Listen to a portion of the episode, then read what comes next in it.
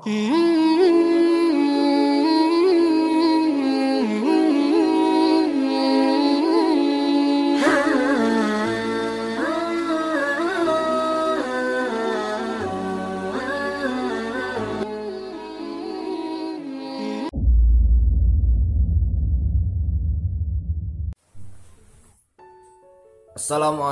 warahmatullahi wabarakatuh Hamdan wa syukranillah Salatan wa salaman ala rasulillah Wa ala alihi wa ashabihi wa mawalah Rabbi syurli sadri wa yassir li amri Wa hlul uqdatan min lisani yafqahu qawli. Allahumma anfa'na bima alamtana Wa alimna ma yanfa'una Wa zidna ilma. Anak-anak sekalian berjumpa lagi dengan Bapak di mata pelajaran Sejarah Kebudayaan Islam untuk Madrasah Aliyah kelas 12 di semester genap eh semester ganjil. Bapak doakan mudah-mudahan kalian selalu dalam keadaan sehat walafiat dan perlindungan dari Allah Subhanahu wa taala.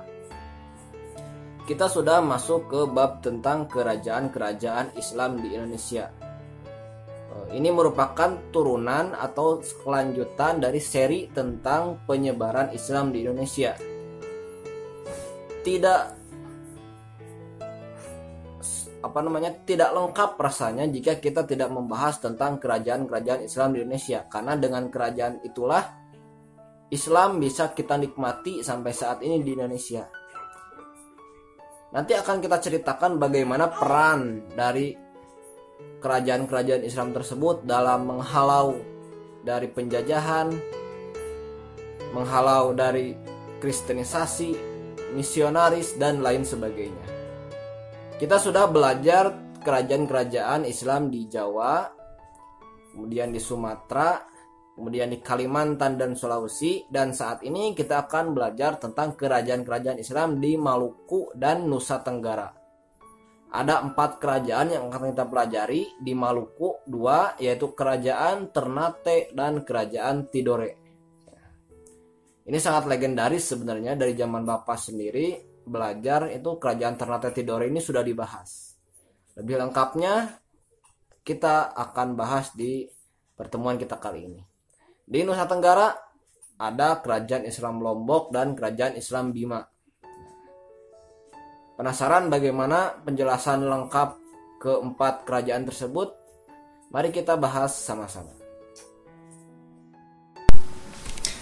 Baik, pada pertemuan kali ini kita akan mempelajari tentang kerajaan Islam di Indonesia. Dalam hal ini ada di daerah Maluku dan Nusa Tenggara. Baik, bagaimana pembahasannya? Kita akan belajar sama-sama.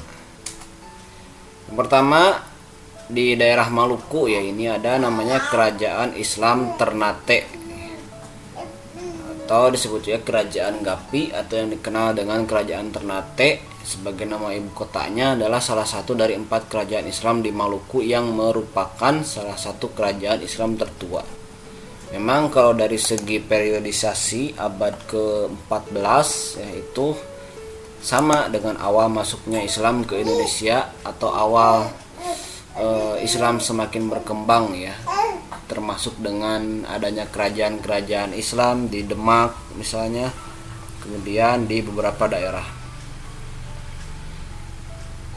Kerajaan Islam Ternate didirikan oleh Bab Mansur Malomo pada 1257 Masehi. Kesultanan Ternate memiliki peran penting di kawasan timur Indonesia pada abad ke-13 sampai ke-17 Sunan Ternate menikmati kegemilangan di paruh abad ke-16 itu berkat perdagangan rempah-rempah dan kekuatan militernya.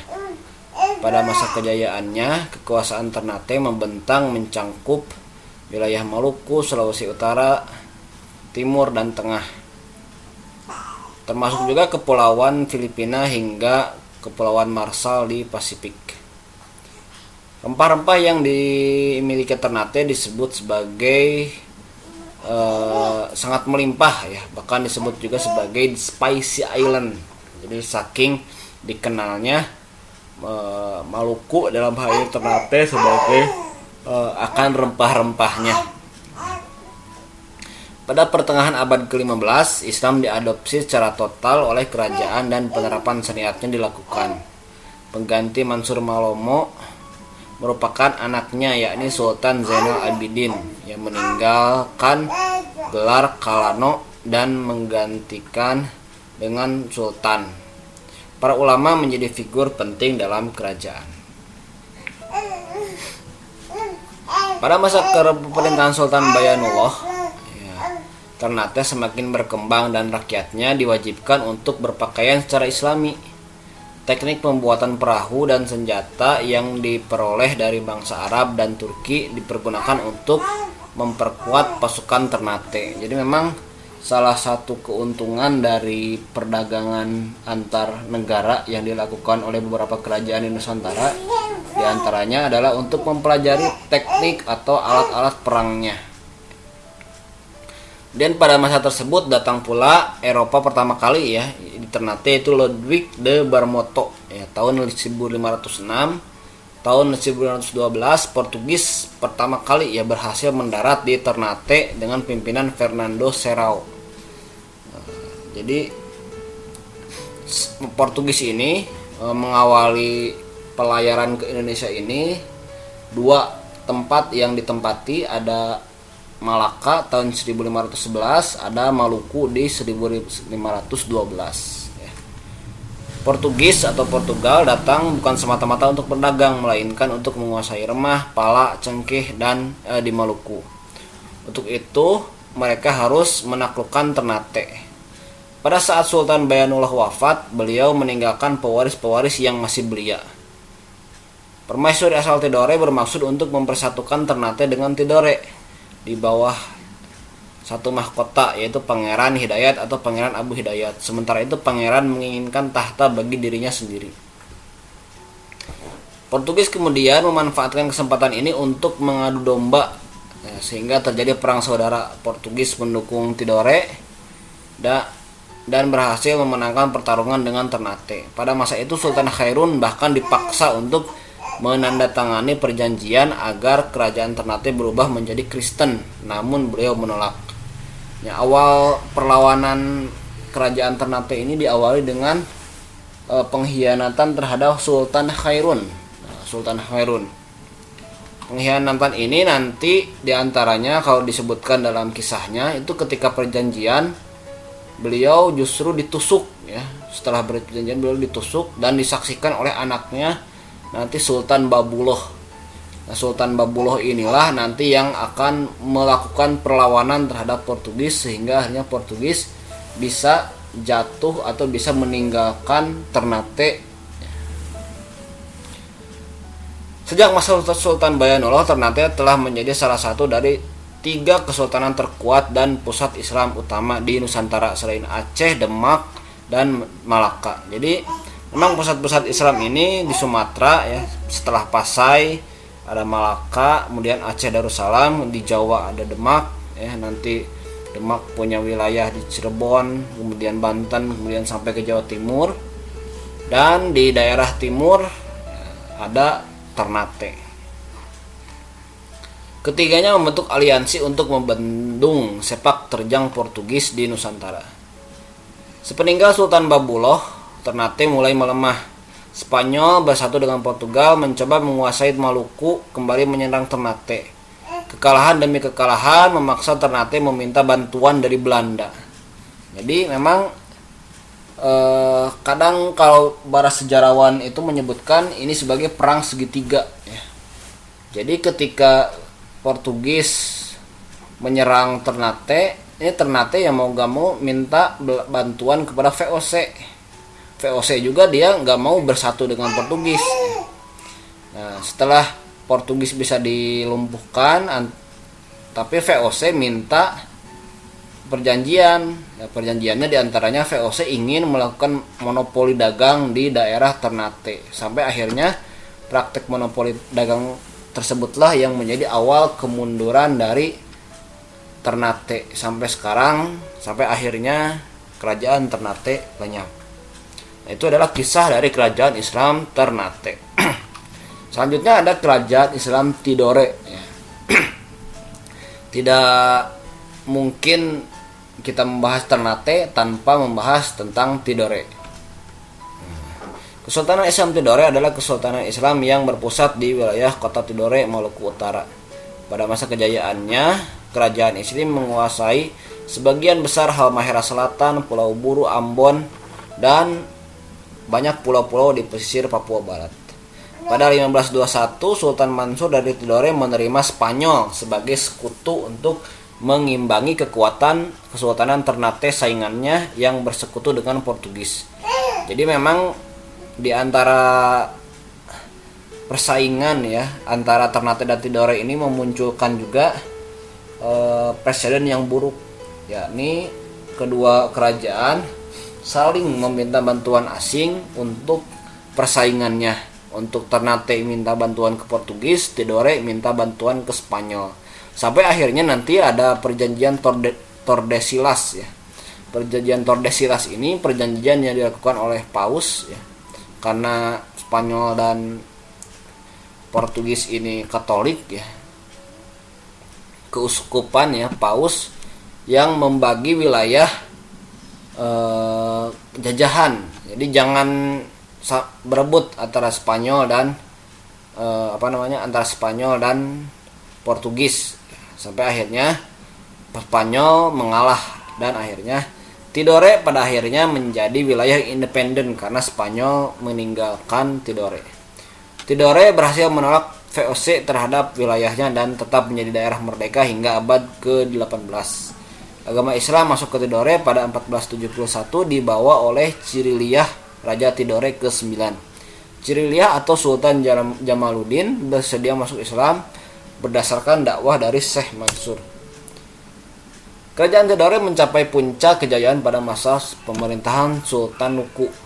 Sultan Nuku dapat e, menyatukan Ternate dan Tidore untuk bersama-sama melawan Belanda yang dibantu Inggris. Sultan Nuku adalah putra dari Sultan Jamaluddin. Saat Ternate dan Tidore bersatu, Belanda kalah serta terusir dari Ternate dan Tidore. Sementara itu Inggris tidak mendapatkan apa-apa kecuali hubungan dagang biasa. Sultan Nungku memang cerdik, ulet dan waspada. Sejak kecil, eh sejak saat itu, Ternate dan Tidore tidak diganggu baik oleh Portugis, Spanyol, Belanda maupun Inggris. Sehingga kemakmuran rakyatnya semakin meluas.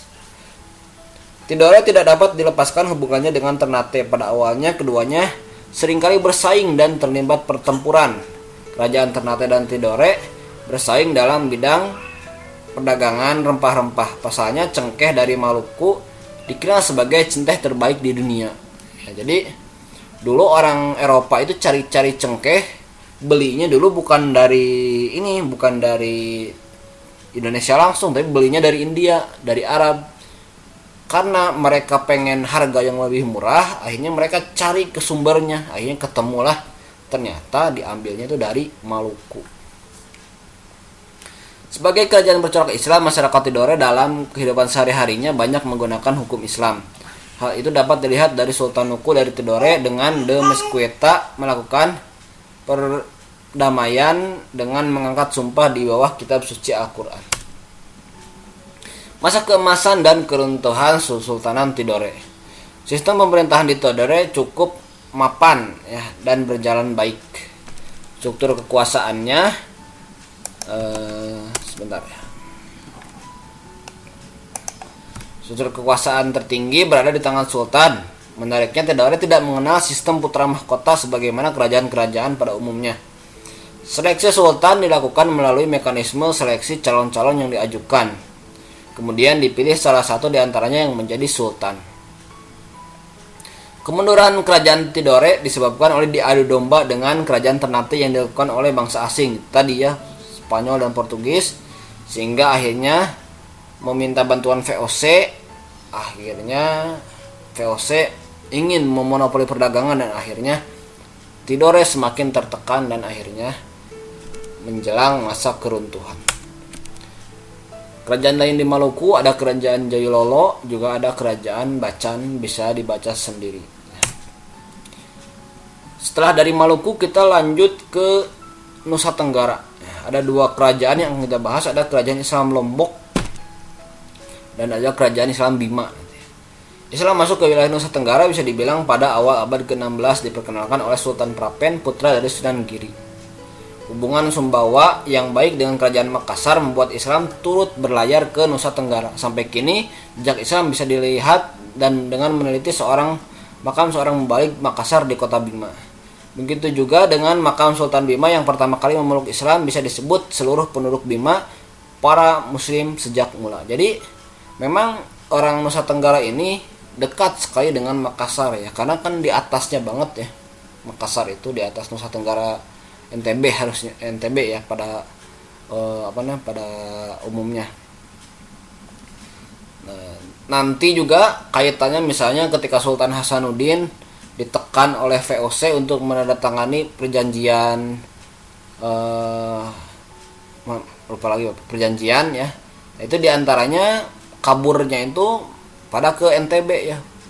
Karena nggak mau ditekan oleh Belanda akhirnya penduduk-penduduk Muslim dan itu ada yang pergi ke NTB selain Sumbawa Islam juga masuk dari Lombok. Ya orang-orang Bugis datang ke Lombok dan Sumbawa mengajarkan Islam di sana. Hingga kini kata di suku-suku kata-kata di suku-suku di suku di suku-suku Sumbawa mungkin ya banyak kesamaannya dengan bahasa Bugis Dari Lombok, Islam disebarkan ke Pejanggik, Barwa, Fokong, Bayan, dan tempat-tempat lainnya sehingga seluruh Lombok memeluk Islam. Dari Lombok, konon Sultan Sunan Prapen meneruskan dakwahnya ke Sumbawa. Kerajaan Islam Lombok dipusatkan di Selapang di bawah pemerintahan Prabu Rangkesari.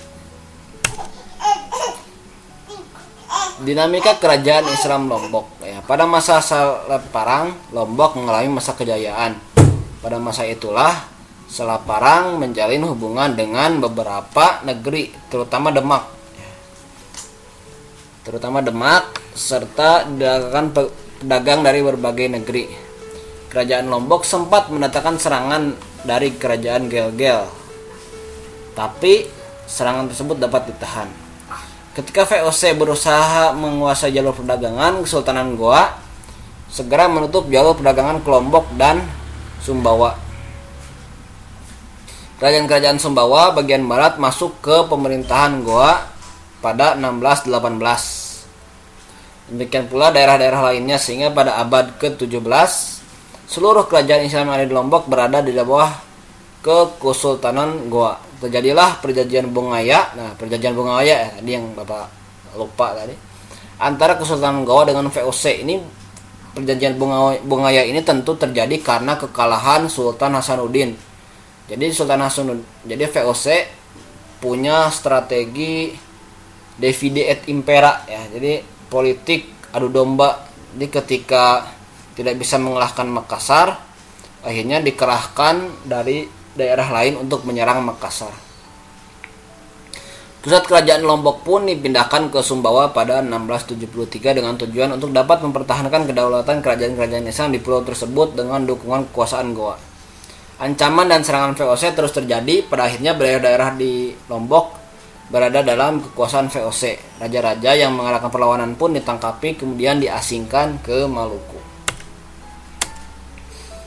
Dan yang terakhir ada Kesultanan Bima. Ya, Bima merupakan kerajaan Islam yang menonjol di Nusa Tenggara. Rajanya yang pertama kali masuk Islam adalah Ruma Ma Bata Wadu yang bergelar Sultan Bima I atau Sultan Abdul Khair. Pada masa pada tahun 1691 ketika permaisuri kerajaan Dompu terbunuh, Sultan Bima ditangkap dan diasingkan ke Makassar sampai meninggal dalam penjara. Kerajaan-kerajaan di Lombok, Sumbawa, Bima, dan lainnya pada abad ke-17 di akhir abad itu terus melakukan pemberontakan dan peperangan karena pihak POC senantiasa mencampuri urusan pemerintahan kerajaan-kerajaan tersebut bahkan menangkapi dan mengasingkan raja-raja yang melawan. Sejarah Kesultanan Bima pada abad ke-19 dapat diperkaya dengan gambaran terperinci dalam syair kerajaan Bima yang menurut telah filologi Henry Chamberlain diperkirakan dikarang pada 1833 sebelum raja bicara Abdul Nabi meletakkan jabatan dan digantikan oleh putranya. Syair dikarang oleh Khotib Lukman barangkali pada 1830 syair itu ditulis dalam huruf Jawa dan berbahasa Melayu. Syair itu menceritakan empat peristiwa yang terjadi di Bima pada abad 19 di antaranya letusan Gunung Tambora, pemakaman Sultan Abdul Hamid, uh, Abdul Hamid berarti ya ini. Kemudian serangan bajak laut dan pemberontakan Sultan Ismail pada 26 November 1819. Nah, itu adalah uh, kisah dari Sultan kisah dari Kesultanan Bima. Baik, itu yang bisa kita pelajari pada pertemuan kali ini. Ada kerajaan-kerajaan Islam di Maluku, di antaranya ada Ternate dan Tidore. Ada juga kerajaan Islam di Nusa Tenggara. Ada kerajaan Lombok dan kerajaan Bima. Baik, sekian. Assalamualaikum warahmatullahi wabarakatuh.